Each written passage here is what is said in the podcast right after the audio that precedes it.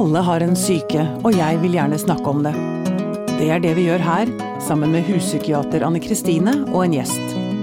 Dette er Pia om syke.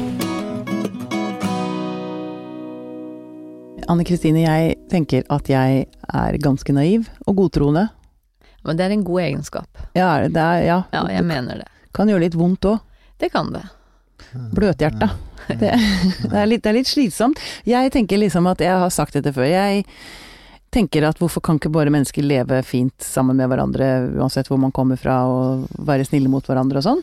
Jeg Ja, og det syns- jeg er veldig, et veldig godt utgangspunkt. Jeg syns også det, men da får man jo Man får så en på trynet gang på gang. Rett når man, som det er. Rett som det er, ja. Um, for sånn som tortur, for eksempel, skal vi snakke litt om i dag. Og det, det Sånt forstår ikke jeg, hvordan et menneske med viten og vilje kan påføre andre, et annet menneske, smerte. Nei. Nei, det er, eh, det er eh, Ubegripelig. ubegripelig. Ja. Uforståelig. Vi skal eh, snakke om flyktninger og flyktningers eh, eller ja, psykiske helse. eh, hva det gjør med et sinn å bli utsatt for både flukt, eller ja, voldtekt, tortur osv. Og vi har eh, fått besøk av Sverre Varvin. Velkommen hit. Takk. Okay. Du er eh, professor ved Institutt for sykepleie og helsefremmende arbeid ved Høgskolen i Oslo og Akershus. Jepp. Yep. Mm, mm. Tidligere seniorforsker ved Nasjonalt kunnskapssenter om vold og traumatisk stress. Yep. Du er veldig opptatt av dette feltet, og du mottok i 2013 Kongens fortjenestemedalje for anførselstegn betydningsfulle bidrag til norsk og internasjonal psykiatri og psykisk helsevern. Gratulerer med den, fire ja, år senere. Ja, tusen takk. Tusen takk. um, du, altså, du underviser i dag, og du har forsket. Og forsker. Og du forsker fortsatt. Ja. Mm. Praktiserer du også som psykoanalytiker? Jeg praktiserer som uh, psykoanalytiker og psykiater med, med pasienter og Med flyktninger? med flyktninger også. Med flyktninger, Ja. Mm, ok. Mm. Um, uh, først så har jeg lyst til å Et litt stort og åpent spørsmål. Kan vi begynne med å snakke litt om hva sånne alvorlige traumer som tortur gjør med en syke til et menneske? Mm. Det kan vi godt gjøre. Og det som jeg tenker er viktig, er at eh, disse alvorlige hendelsene ikke bare gjør noe med psyken og kroppen til disse menneskene, men disse menneskene som gjennomgår slike ting, de gjør noe med den situasjonen etterpå. Prøver å eh, mestre på forskjellige måter. Eh, og noen klarer det bedre, og noen klarer det dårligere i perioder, men det går opp og ned. Og det perspektivet syns jeg er faktisk det viktigste.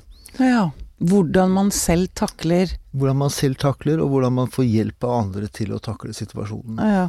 Jeg hørte på et foredrag som, på, som du holdt som ligger på YouTube, og der sier du noe om at eh, ekstrem traumatisering, altså voldtekt og Ja, tortur, ja. det gir ikke mening mens det skjer, og at dette er en del av problemstillingen. Det, det Mm. å, du snakker om en tredje Altså den som sitter utenpå og ser, utenfra og ser inn, liksom. Mm. Kan ikke du utvikle det litt? Nei, jeg tror det er veldig viktig for de som har gjennomgått slike ting, at det er andre mennesker som øh, da etterpå kan både se dem, bekrefte at de har opplevd noe som har vært helt forferdelig og Mm. også uforståelig, og, og så å si være noen vitner som de kan stole på. Ja. Ikke sant? Fordi det, er, det som ofte skjer, er jo at folk etterpå blir, føler seg veldig overlatt til seg sjøl. Mm. Og noen tør ikke riktig å snakke om det, og opplever at andre ikke orker å høre på det. Mm. Så de blir gående aleine med disse veldig vanskelige opplevelsene. Ja, men da må jeg spørre. ehm, Du sa noe om at eh, det å holdt på å si, få bekreftet at det har skjedd Ja, ja. Ja. Er, det, er det sånn at man ikke At man liksom ikke helt tror på det selv, eller at man ikke Altså, det kan være veldig uvirkelig uh, når man har opplevd slike ting. Uh, og det kan uh, sette i gang en følelse av at i grunnen alt er uvirkelig. Så hvis man ikke møter personer som kan bekrefte, det er liksom en veldig viktig side. mm, Men det er også viktig at det samfunnet, eller ja, samfunnet generelt bekrefter at de som har vært utfor, utsatt for sånne ting, har vært utsatt for sånne ting. Ja. Det var jo det som eh, mange av våre krigsseilere opplevde etter krigen. At de ble gående uten å få en bekreftelse, anerkjennelse, eh, for deres krigsinnsats. Og de opplevde jo til og med at penga ble tatt vekk fra dem. Og det, tror jeg var en sterk bidragende faktor til at mange gikk eh, til grunne. Falt og utenfor Ja, og ja, mista ja, grepet, ja. ja. Mm. Mm. Og jeg holdt på å si, eller Dette gjelder vel også eh, folk som ikke har vært på flukt eller opplevd tortur, men Mm. det å få bekreftet et traume Ja. Mm. er ganske viktig. Mm. Om det er voldtekt eller Altså, det skjer jo også Ja. i Norge. Ja, altså man får bekreftet at det har skjedd alvorlige overgrep, at ens menneskeverd er blitt krenket på Mm. det alvorligste. Mm. Eh, og det er på en måte starten på å begynne å bygge opp en menneskelighet igjen, altså efter tortur, for eksempel. Ja. Ja. Og det er jo noe med å kan du si, skrive det inn i livshistorien sin. Altså, for sånn kort sagt, det folk trenger, det er en bekreftelse på at ja, det har skjedd, Mm. og det var fælt. Mm. Altså både en anerkjennelse av at det faktisk har skjedd, og Mm. at det var grusomt. Jeg har jo snakka med en del eh, unge mennesker Mm. som har vokst opp med, med overgrep, som eh, sa det at eh, det var, helt, det var helt sånn forferdelig å sitte da hos en, hos en terapeut og fortelle de verste ting, og så satt terapeuten bare sånn Ja, mm, fortell mer om det. Mm. Og hun ene, hun sa det at Ja. Når de responderte på den måten, så tenkte jeg at ja, men kanskje det ikke var så fælt, da. Mm. Hvis folk klarer å, å høre på det på den måten. Så det hun ønska seg, det var at noen skulle si nettopp det at Mm. tenk at dette har skjedd med deg. Det skulle Så ikke skjedd. fælt. Det skulle ikke skjedd. Mm. Sånt skal ikke barn oppleve, og dette var grusomt. Mm. Mm. Altså, for hun, hun trengte på en måte at noen andre satte den overskrifta over det som Ja, hadde skjedd, ja. at dette var fælt. Ja. Det tror jeg er helt sentralt for flyktninger som kommer og har vært gjennom voldsomme opplevelser, at noen Mm. sier at dette er noe som ikke skal skje et menneske. Mm. Uh, og uh, ja, bekrefter at uh, eh, det de har opplevd er eh, altså helt uh, unev unevnelig på mange måter. Mm. Men, Mm. men det er vanskelig å snakke om mange ting. Mm. Og spesielt eh, så vil jo tortur f.eks. som regel innebære seksuelle krenkelser, og Mm. det blir kjempevanskelig for mange. Ja. Hvordan er det som psykoanalytiker å sitte og ta imot og høre på sånne historier? Eh, det er klart det gjør, gjør noe med meg, og jeg får ganske, til tider ganske sterke reaksjoner. At jeg blir lei meg, trist og fortvilet, og Mm. kan også bli veldig sint. Altså at jeg får lyst til å gjøre noe dumt. Eh, Det hjelper jo å snakke med kolleger, og, eh, men noe som er veldig viktig, er jo at vi er i en menneskelig relasjon når vi snakker om dette her. Det er et annet menneske som snakker til med om veldig vanskelige ting. Slik at når vi har en god relasjon, så eh, blir det en slags gjensidig hensynstagen. At tingene skal ikke komme ut som eh, alt, på altfor voldsom måte. Eh, det kan komme ut eh, mer gradvis. Og de lytter jo veldig til hvordan jeg reagerer. Hvis jeg, de føler at jeg er avstengt, eksempel, så vil de ikke fortelle om det som er mest sårt. Nei, ikke sant? For du må også by på ditt hjerte. Ja, jeg må være til stede Mm. emosjonelt, altså. Så, Mm. eh, og det er det som jeg tenker er en sånn viktig helende faktor i sånne, sånne behandlingsprosesser. Da. Mm. Mm. Men eh, eh, vi snakket i sted om at det første, første steget er å anerkjenne at det har skjedd. Ja. Mm. Mm. Når man da har gjort det, hva, hvordan, hva skjer videre? Altså, hvor, mye jobb må til for å bygge opp en, en trygghet og en, Eh, for- et selv igjen? Ja, for mange så må det veldig mye jobb til, og det, det øh, Man kan jobbe en periode med det, og så kommer utryggheten tilbake hvis det skjer noe i livet senere. Mm. Og spesielt de som har vært utsatt for voldsom tortur, og gjerne seksualisert tortur, så er det noe som jo aldri forsvinner helt. Det vil være der. og kan utløse senere hvis det skjer en eller annen uh, hendelse i livet som kan minne om det som Lignende, skjedde. mm. Ja, eller en, en, en vanskelig overgang i livet. Altså barna Mm. flytter hjemmefra og sånt. Ja, akkurat. Eller man blir sjuk. Mm. Jeg har lyst til å bare skyte inn noe eh, litt sånn politisk her òg. Mm. Og det er jo at ikke sant, det tar tid å, å skape en allianse, og, og de prøver seg fram og ser hvor mye du tåler, men det som kanskje ikke si, sentrale myndigheter har forstått i tilstrekkelig grad, det er at å begynne på et sånt arbeid, hvis du har en usikker framtid foran deg, hvis du har et utkastelsesvedtak, hvis du ikke veit om du får lov å bli i landet, Mm. så er det nesten umulig, for da lever man jo fremdeles i den beredskapstilstanden og den angsten for at du ikke vet. Mm. Og det å skulle invitere folk inn i en relasjon for å begynne å snakke om noe som er vondt på det grunnlaget,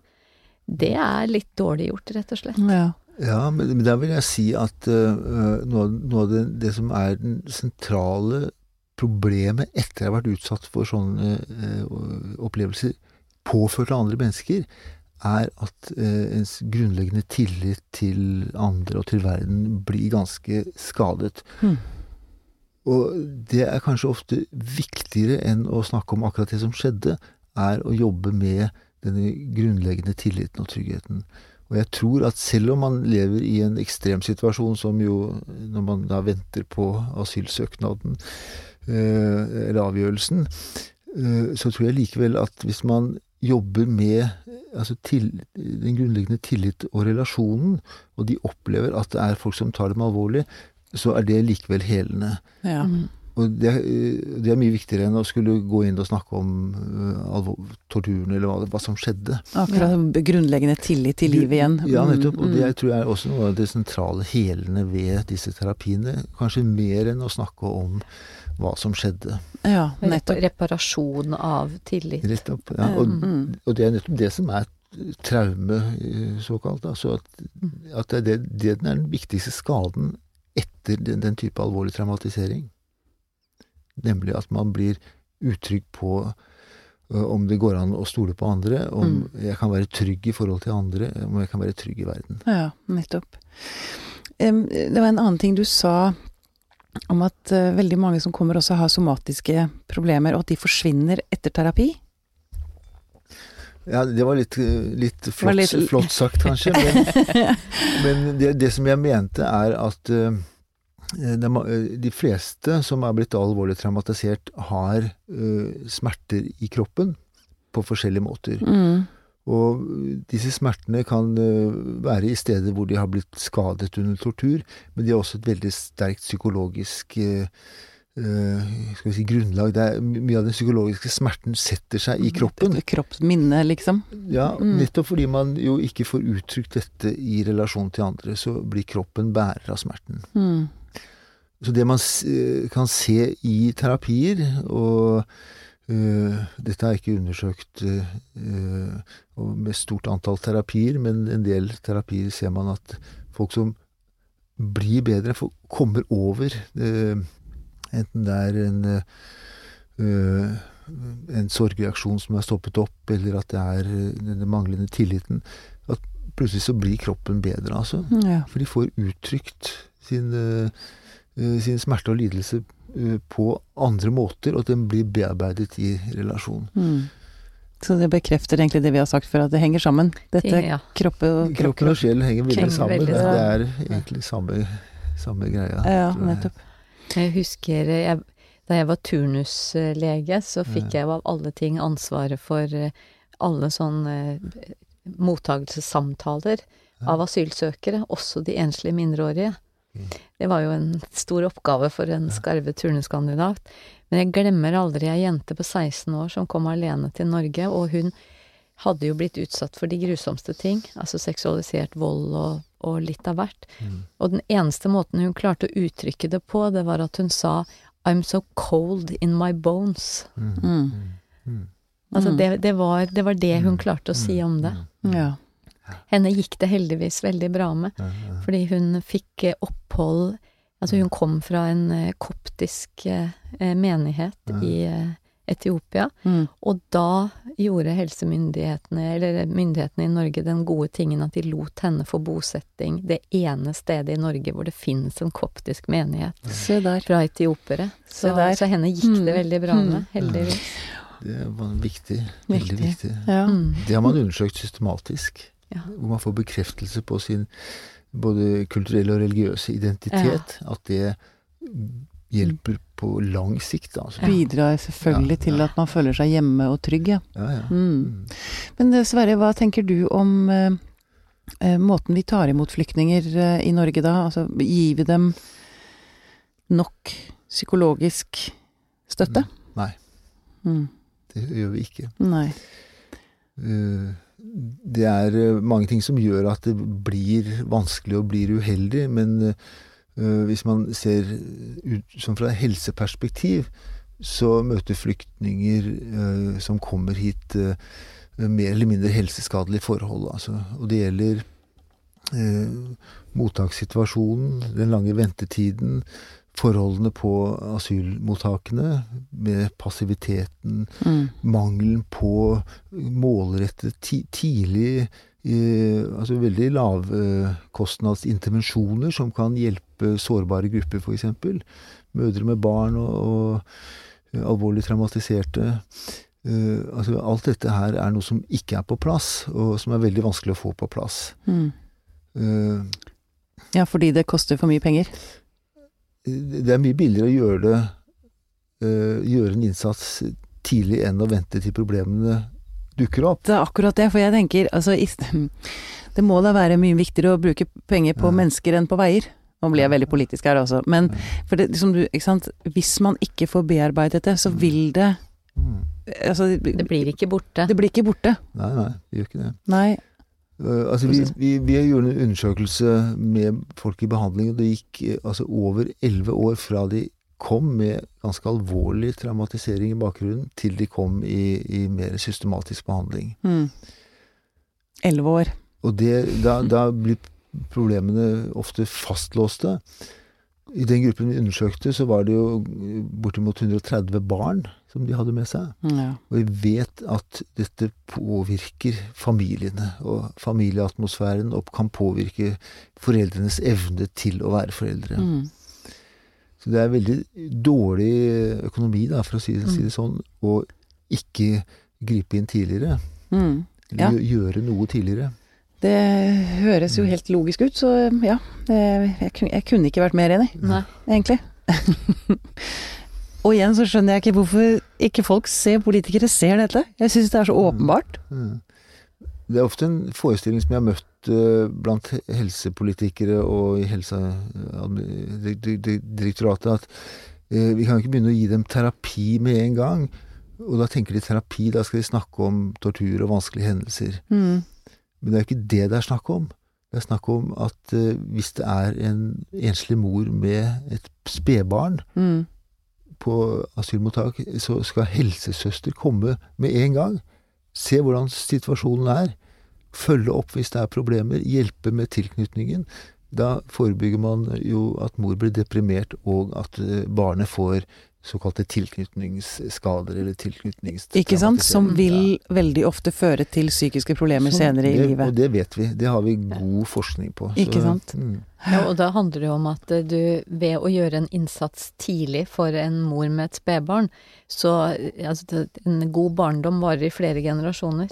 Ja, for for det går i arv, ikke sant? Ja, Man drar med seg videre. ja, ja. Man drar det med seg videre, så Mm. hvis det barnet bli, får en tryggere og bedre oppvekst med Mm. bedre tilknytning, Mm. så vil det barnet igjen kunne gi sine egne barn en tryggere start på livet. Og så blir det en god sirkel istedenfor at det da bare måtte, fortsetter å være ille. Mm.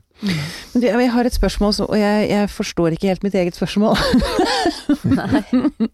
Men det var noe interessant også. Du sa, du sa noe om at man finner ikke traumer i sinnet, men at sinnet prøver å forstå traume, eller noe sånt noe. Nå er vi inne på dette Ja, ja. litt Mm. eh, Den Mm. tredje Altså vitnet som Ja, blant annet på, på vitnet. Men Mm. det, det jeg tenker man må forstå, er at eh, dette er ikke mennesker som bærer på traumer i bagasjen. Mhm. Det de bærer på, er en ganske Ofte en sterk vilje til å mestre utrolig vanskelige følelsesmessige opplevelser. Mm. Til å prøve å klare relasjoner til nære, til barn, tross at de har eh, eh, blitt skadet i, i evnen til å ha trygghet til andre. Mm. Eh, slik at de, de bærer på eh, det som vi ofte kaller resiliens, altså at de, at det er potensialet for å klare seg tross alt. Mm. Eh, så derfor så tenker jeg at det er mye viktigere å ha fokus på det. Og vi ser det i forskjellige typer forskning at det som altså folk, folk har ikke sånne avgrensede traumedeler inni seg. Vi ser alltid at de prøver å gjøre noe med det. Vi har studert eh, disse marerittdrømmene efter eh, hos traumatiserte også. Mm. De, I drømmene forsøker man å gjøre ting få til relasjoner, selv om Mhm. det ofte mislykkes man våkner opp i mareritt. Så det er veldig mange ting som tyder på at dette her er en veldig, mye mer dynamisk prosess eh, enn det vi vanligvis tenker. Ja, altså du sier, det du sier at det sitter ikke bare i sinnet. Det sitter ikke bare i sinnet, men det, sitter, det som sitter i sinnet er jo også at det er en aktivt subjekt som prøver å gjøre noe med det. Ja. Det er det som er viktig. Ja. Det er ikke en sånn ting man, som man kan gå inn og operere på eller Nei. ta bort, Nei, fordi at det er en del av mennesket. Mm. Så det du sier, Ja, noe, ja. eh, sier noe om, er jo at det er egentlig ganske mye håp. Ja. Fordi at hvis vi legger til rette for tilheling, Mm. og det å bygge opp legger til rette for reparasjonsarbeid, så Ja. kan det gå ganske bra. ja, for man klarer å reparere selv, bare man får tilbake noe med denne tryggheten og Ja, ja. tilliten. Ja, for det er mye, mye, mye forskning eh, tyder på det. Altså vi mangler masse forskning, men mye tyder på at det som skjer etter eh, disse påkjenningene, altså mulighetene for å ha gode relasjoner, trygge relasjoner, ikke bli passivisert, bli hørt på og bli bekreftet, at det er noe som er kanskje mye mer, mer bestemmende for uh, hvordan det går senere enn hvor mye uh, jævelskap folk har vært utsatt for. Ja, akkurat. Mm. Nettopp. Det, og det er jo definitivt håpefullt. Det er håpefullt. Mm. Derfor er det fortvilt at vi da ikke gjør nok i uh, når, når folk kommer som, som flyktninger, Mm. og ikke skjønner at vi, der kan vi gjøre en kjempeinnsats og bedre livene til ikke bare de som kommer, men også deres eh, barn og Barn, ja. familier. ja. Nettopp. Du, hvis du skulle komme med ett ønske til eh, Norge, staten Norge, Ja. hva ville du eller dere ønsket dere? Eh, eh, kan jeg si A og B? Ja ja. Kan Her er det lov til å ønske hva du vil. Her er det Her søker vi utopien. Jeg ville ønske at eh, Norge var med på å eh, hindre at folk ble overlatt til så forferdelige forhold under flukt som det nå etter hvert har blitt. Hvor man overlater eh, all frakt, kan man si, eller reisen, fluktreisen til menneskesmuglere, Mm. som er blitt mer og mer profesjonalisert og mer og mer grusomme. Mm. Og, og så har man da et system hvor folk hopes opp i veldig dårlige leire i Syd-Europa, blant annet, også andre steder, eh, som er sykdomsskapende, rett og slett. Mm. Og psykisk sykdomsskapende. Psykisk sykdomsskapende. Mm. De blir fysisk syke av det også. Mm. Eh, slik at eh, Norge internasjonalt kan jobbe for en mer menneskeverdig måte å flykte på.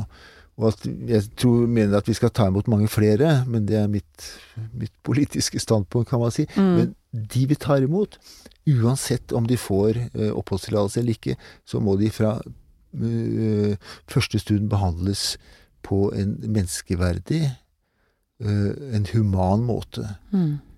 Og jeg sier det fordi at vi har blitt mer og mer oppmerksom på at eh, den, ikke bare det som skjer i hjemlandet til folk, men også underveis, er en ganske gigantisk dehumaniseringsprosess Mm. av mange mennesker. Det er jo veldig mange mennesker det dreier seg om. Og de blir systematisk dehumanisert. Ikke bare gjennom mishandling og overgrep før og under flukten, men hele systemet er ganske dehumaniserende. Mm. Mm. Mm. Og når vi dehumaniserer andre, så er det lettere å behandle dem dårlig. Mm. Det er det som skjer under tortur. Når vi tenker Ja. at dette er ikke ordentlige mennesker, så kan de mishandles. Og det skjer både i eh, si, individuelle sammenhenger, men også systemisk, kan man si. Ja. Og der mener jeg at det, det bør Norge uh, forstå. Norge er såpass rikt. Vi har såpass sterke tradisjoner på human behandling av andre mennesker. Eh, vi var etter Dette er andre... under lavmål, egentlig. Jeg syns det nå er begynner å nærme seg under lavmål. Mm. Etter annen verdenskrig så var vi jo kjent for å ta imot uh, såkalt middelsflyktninger, de som var dårlige, mens andre land tok de som var friske og Mm. velutdannede. Mm. Vi har en tradisjon fra Nansen som er i ferd med å forvitre, rett og slett. Mm. Hvorfor har den det? Ja, det lurer jeg på også. Det, det er en uh, Virker som det er en slags eng, engstelse for å stå fram og eh, av de sentrale politikere og sentrale politiske partier å stå ordentlig fram og eh, si fra at nå må vi gjøre en innsats, og nå må vi behandle folk menneskeverdig. Mm.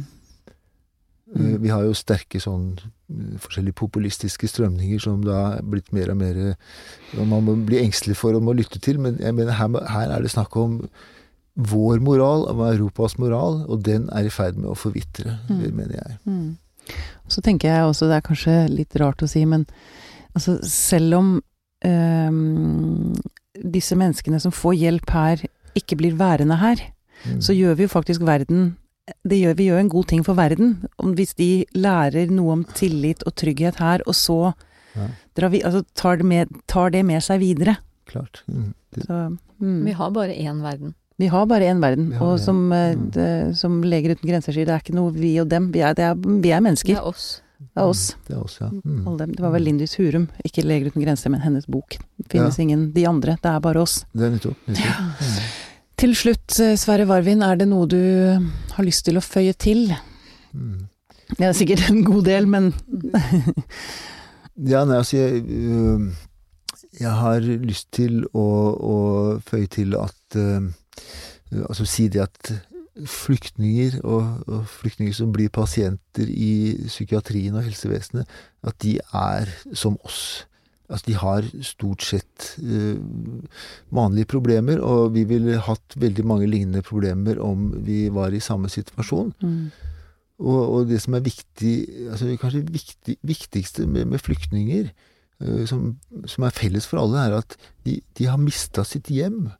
Altså, hjemmet kan ha blitt smadret rent fysisk, men de har mistet hjemlighetsfølelsen. Mm. Altså hjemlige trygghetsfølelsen i sjelen. Og det er det de prøver å bygge opp. Mm. For seg og for barna sine. Mm. Og det syns jeg er et veldig bør være det sentrale perspektivet. At de er i en oppbygningsfase, og man skal hjelpe dem Mm. i den fasen på forskjellige måter, selvsagt. Ja, det kan man tenke litt på selv, hvordan det ville vært å bli revet opp fra hjemmet sitt og ikke ha hjemlig-følelsen inni seg. Nei. Det er um. Det gjør vondt. Alle trenger å høre til. Mm. Ja, ja. Mm. Ja. Um, Sverre Varvin, em, tusen takk for at du kom. Eh, det- jeg merker at jeg er litt sånn på gråten nå. og Det er Mm. kanskje ikke så lurt å slutte en episode sånn, men noen ganger må vel det skje òg. Absolutt. Ja. Mm. Det er trist.